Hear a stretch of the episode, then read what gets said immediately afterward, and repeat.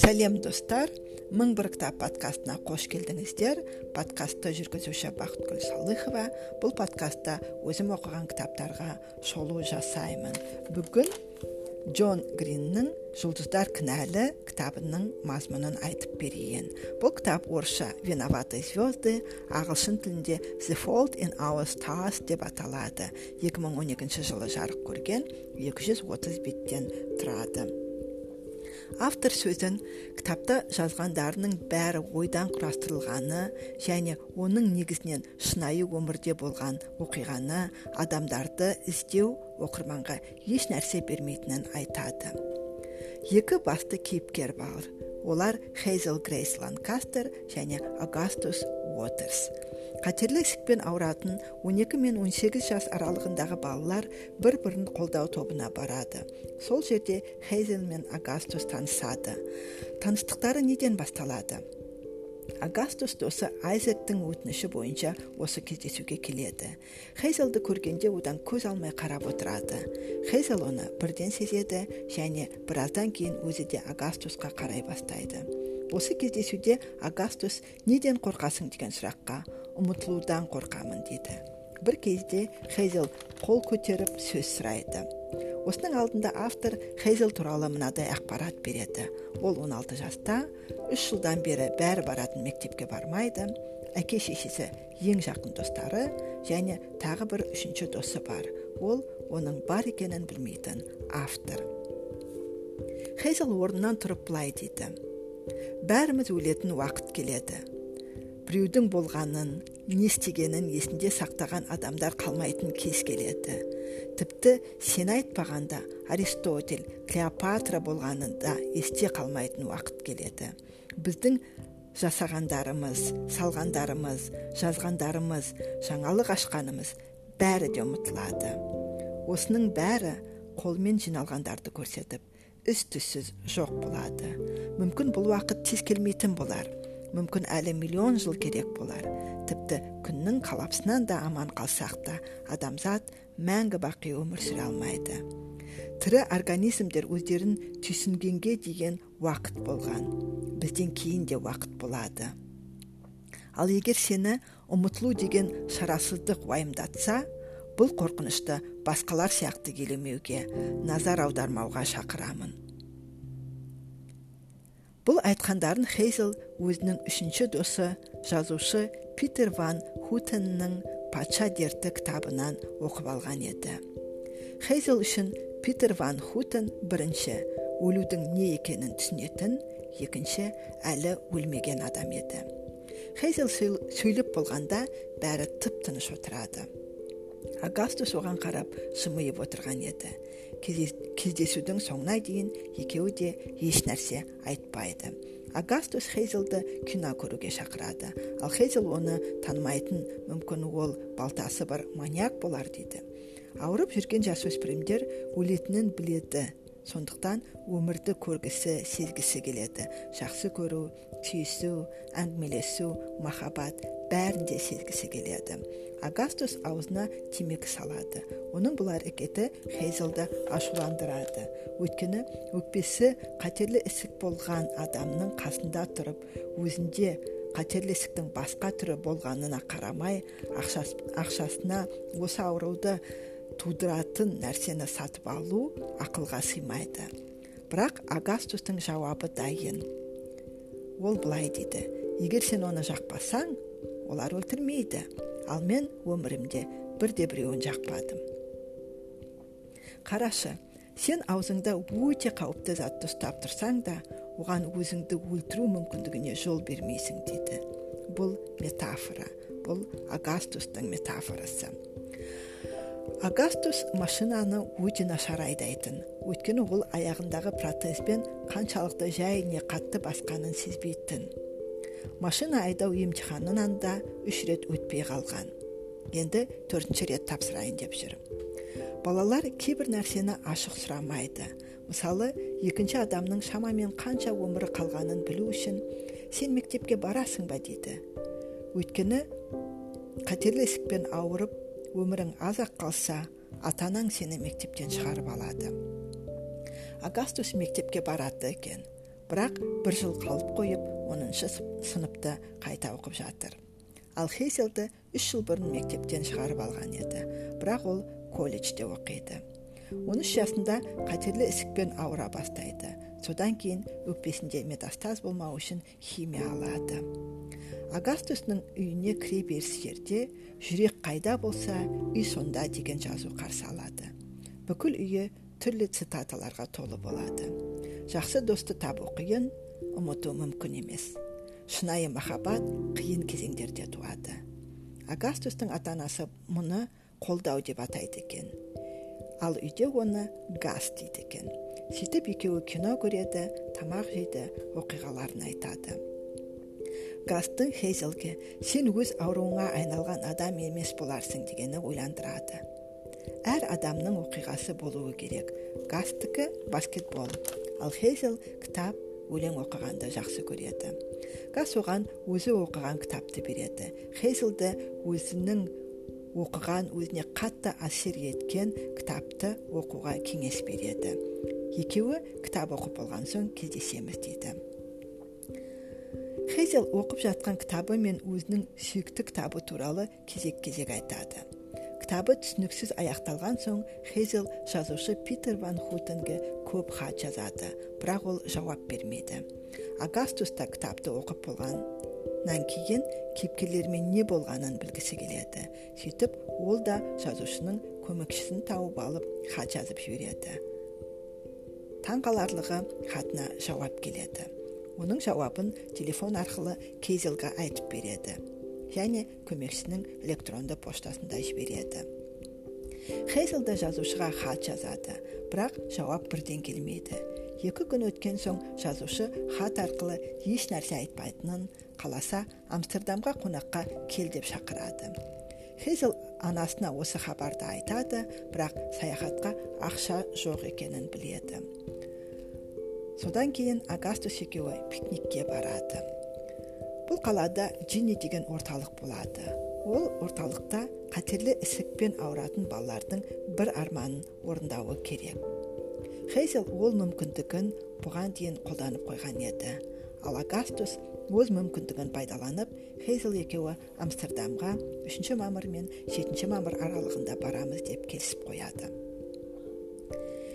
Хейзелдің жиі айтатыны бар. Ұйқы қатерлі ісікпен күреседі арасында хейзел әртүрлі ойлар мен уайымның кесірінен ауырып қалады алты күн ауруханада болып шығады осы кезде жазушыдан хат алған агастус оны қызға береді агастус менен қашықтасаң менің саған деген махаббатымның азаймайтынын түсінесің бе дейді хейзелдің көңілі түсіп оны артқы аулада тұрған әткеншектен көреді агастус екеуі хабарландыру жазып әткеншекті сатып жібереді.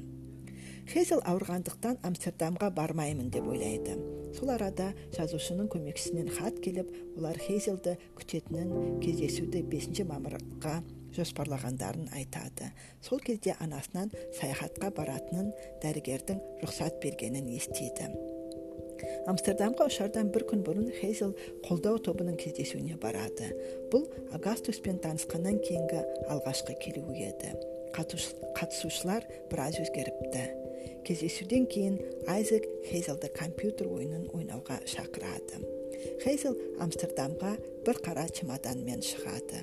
Олар аман есен ұшаққа отырып детройтқа ал содан кейін амстердамға жетеді жол бойы ұйықтаудың орнына әңгімелесіп кино көреді олардың өлім туралы сұрақтары қызық үш спартандық фильмінде көп адам өледі фильм аяқталған соң хейзел қанша адам өлді деп сұрайды кинода емес жалпы тарихта агастус жерде 7 миллиард тірі адам және 98 миллиардқа жуық өлі бар дейді әрбір тірі адамға 14 өлген адам агастус бәрін еске сақтауға бола ма?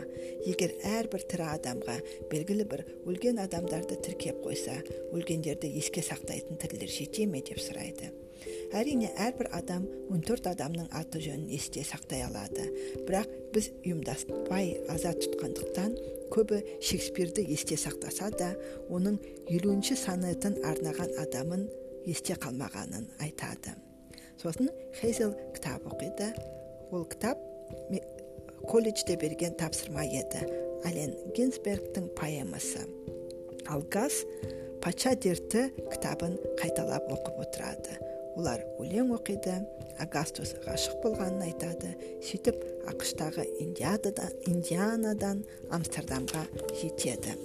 Амстердамда таксимен келе жатқандағы хейзелдің ойы. Өліп қалғандар салған қалада тұру бір жағынан керемет екінші жағынан оғаш сияқты. Таксист оларға былай дейді амстердам бостандық еркіндік қаласы.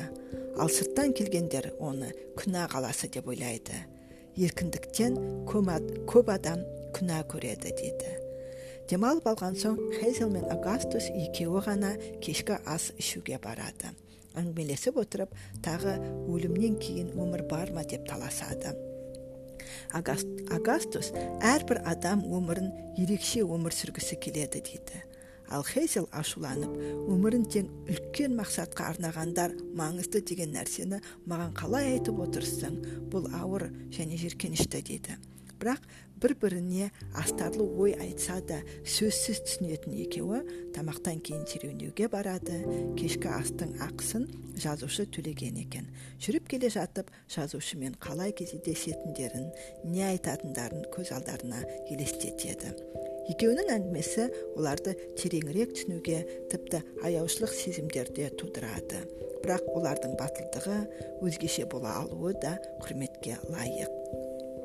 Хейзел көп қобалжитын кездесу алдында киімі үшін үйді таппай қаламыз деп адасып кетеміз деп қобалжи беретін қобалжи беретін жазушымен кездесетін күн де келді екеуі оның үйіне келіп есікті қағады бірақ есік ашылғанда оларға қош келдіңіздер дейтін ешкім болмайды есікті ашқан адам есімдерін естігеннен кейін есікті қайта жауып көмекшісімен сөйлесе бастайды ал олар есік сыртында естіп тұрады ол шақыруды шын деп қабылдаудың қажеті жоқ еді дегендей сөздер айтып жатады. Тіпті көмекшісіне оларды шығарып сал қайта берсін дейді. Дегенмен көмекшісі көндіріп екеуін ішке кіргізеді. Аз маз сөйлесуден кейін хейзел оның қолмен жазған хаттарына неге жауап келмегенін түсінеді. Жазушы барлық хатты қоқыс пакетіне жинап қойған екен. Тіпті бірде біреуін оқымапты. Басқа да адамдардан келген хат өте көп екен. Жазушы тым қатал тіпті беті шімірікпестен қатал сөйлеседі. Ол кітаптағы кейіпкерлер ойдан шығарылған олармен түк болмайды дейді. Тіпті сен ауру баласың әрбір ауру бала сияқты өзіңді аяғанды қалайсың бүкіл болмысың аяуға тәуелді дейді. Хейзел ашуланады ренжиді оның сөз бергенін сөзінде тұру керек екенін айтады. Хейзел америкадан сұрақтарына жауап алу үшін келген еді. Ал енді ашулы күйде кетуі керек. Агастус оны жұбатып оған өзім эпилог жазып беремін. Тіпті жазушыдан да артық жазамын деп сөз береді. Олар жазушының үйінен кетіп қалады. Арттарынан жазушының көмекшісі жүгіріп келіп кешірім сұрайды. Және оларды анна франктың музейіне шақырады. Олар көмекшінің машинасына отырып музейге келеді.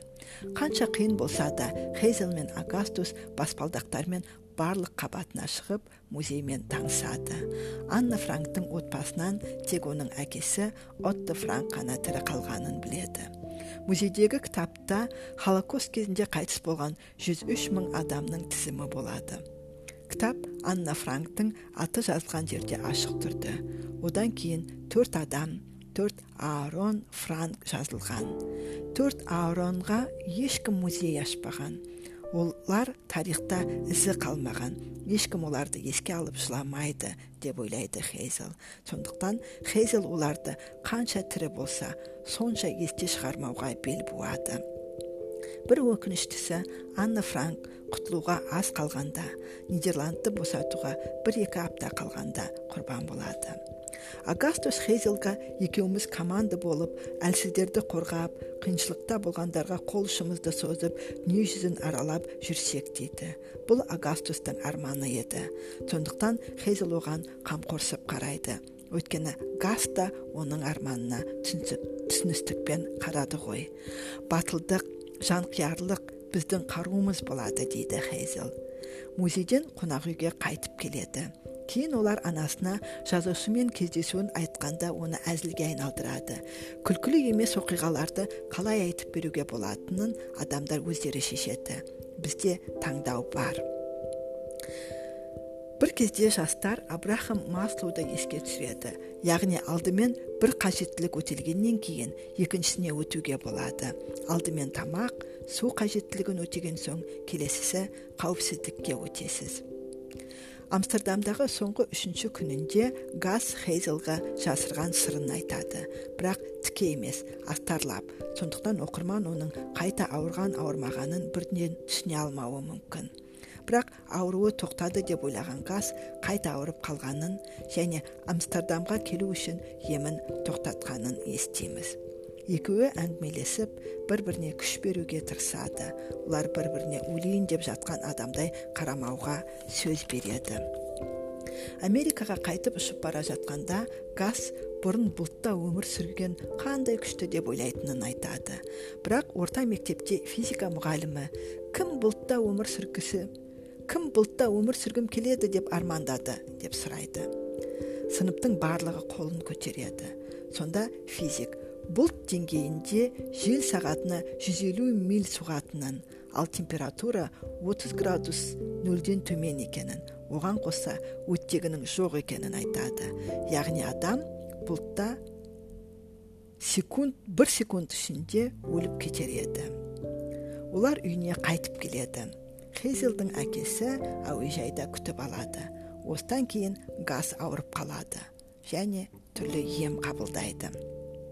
Арасында айзек газ хейзел үшеуі барып айзектің жақсы көрген қызы мониканың машинасына жұмыртқа лақтырып кетеді. Біраз күн өткеннен кейін түнде газ темекі аламын деп үйінен шығып кетеді. Бірақ машинасында қиналып қалып хейзелді көмекке шақырады. Хейзел газға көмектесе алмай жедел жәрдем шақыруына тура келеді. Тағы біраз күн өткеннен кейін газ жерлеудің дайындығын өткіземіз деп хейзел мен айзекті шақырады және оларға соңғы сөздерін жазып келуді тапсырады. Олар келіп газтың алдында өз сөздерін оқып береді. Осыдан кейін сегіз күн өтеді. Газ мемориал ауруханасының жедел терапия бөлімінде қайтыс болады. Сені мен естеліктері бір адамның қайтыс болуы есіңді жоғалтумен бірдей. Онымен бірге болған бірге жасаған істерің шынайы емес сияқты маңызды емес сияқты болып қалады. Реанимацияға түскен адамнан 10 балдық шкала бойынша ауруын бағалауды сұрайды екен. Сол арқылы қанша дәрі және қандай дәрі беру керектігін шешеді дәрігерлер. Осыны хейзел түсінеді. Бірінші рет өзі қиналған кезде ауруын тоғыз балға бағалағанын есіне түсіреді. Ал қазір оның халі одан да нашар еді. Хейзел қатты күйзеледі. Ол тіпті газға телефон соғып автоматты жауап бергіштен оның дауысын тыңдайды. Оның әлеуметтік желідегі парақшасына кіреді. Ол жерде жазылған көңіл айтуларды оқиды. Оқи отырып кейін өзі өлген кезде де танитын танымайтын адамдар осылай көңіл айта ма деген ойға қалады. Хейзелдің жанына мына сөздер ауыр тиеді. Газ сен біздің жүрегімізде мәңгі өмір сүресің. Сонда олар сен өлдің ал мен ешқашан өлмеймін деген астар бар ма бұл сөздерде деп ойлайды. Хейзел көңіл айтуларды оқып отырып қажет емес кезде пайда болатын достар туралы ойлайды. Ол өліп қалды. Ал мына жерде бұрын оның халін де білмеген көптеген адамдар дос ретінде жазып отыр. Бір пікірге мынадай жауап қалдырады. Сана сезімді жасау мен жоюға қызмет ететін әлемде өмір сүреміз. Агастус уотер ракпен ұзақ күресуден кейін өлген жоқ. Адам сана сезімімен ұзақ күресуден кейін қайтыс болды. Оның пікіріне ешкім жауап бермейді. Гастың жерлеуінде достары да хейзел да сөз сөйлейді. Таң қаларлығы амстердамнан жазушы питер ван хутен келеді. Сөйтсе өмірінің соңғы күндері газ ол кісімен хат алмасады және өзінің жерлеуіне шақырады. Оған қоса хейзелге кітабының кейіпкері аннаның анасымен не болғанын айтып беру керектігін айтады. Жазушы омнис селула э селула дейді. Яғни клетка клеткадан пайда болады. Өмір өмірден туындайды оның сөзін аяғына дейін тыңдамаған кейзел оған еш нәрсенің қажет еместігін түсіндірудің де қажеті жоқ екенін айтып машинадан түсуін өтінеді. Хейзелдің ойынша екі түрлі ересектер бар. Бірі ван хутер сияқтылар аянышты аянышты жаратылыстар. Олар әлемді шарлап біреудің жанын қаттырақ жаралағысы, жаралағысы келетіндер. Екіншісі өзінің ата анасы сияқтылар. Олар зомби сияқты. Автоматты түрде дұрыс нәрсені істеуге тиіс нәрсені жасайды. Тоқтап қалмайтын жүрісті ары қарай жалғастыра береді. Жерлеуден кейін біраз күн өткен соң айзек пен хейзел кездеседі. Айзек гастың хейзелге арнап сиквел жазғанын айтады. Сөйтіп екеуі ол қай жерде жазды және ол қағаз қай жерде екенін іздей бастайды. Хейзел гастың үйіне барғысы, келіп машинаға отырғанда ол жерде жазушыны көріп шошып кетеді. Жазушы кешірім сұрайды машинадан шықпай қояды. Сондықтан хейзел оның айтқандарын тыңдап машинасын айдай береді. Сол кезде жазушының да өз қайғысы барын біледі.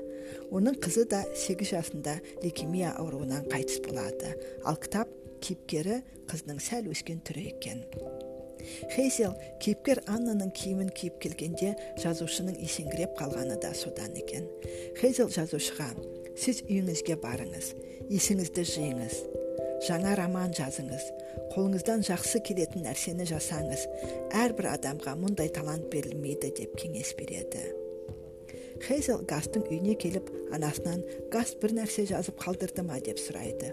Олар іздеп еш нәрсе таба алмайды. Үш төрт күннен кейін гастың әкесі беттері жыртылған блокнот тауып алғанын айтады. Сол беттерде хейзелға арналған жазба бар болар дейді. Айзек пен хейзел сол беттерді іздей бастайды. Соңғы рет үшеуі бірге болған жерге қолдау тобы өтетін орталыққа келеді. Ол жерге барып бәрін ақтарады бірақ еш нәрсе таппайды.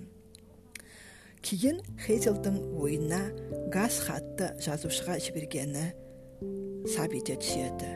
Сөйтіп жазушының көмекшісіне хат жазып жазбаны табуға көмектесуін сұрайды.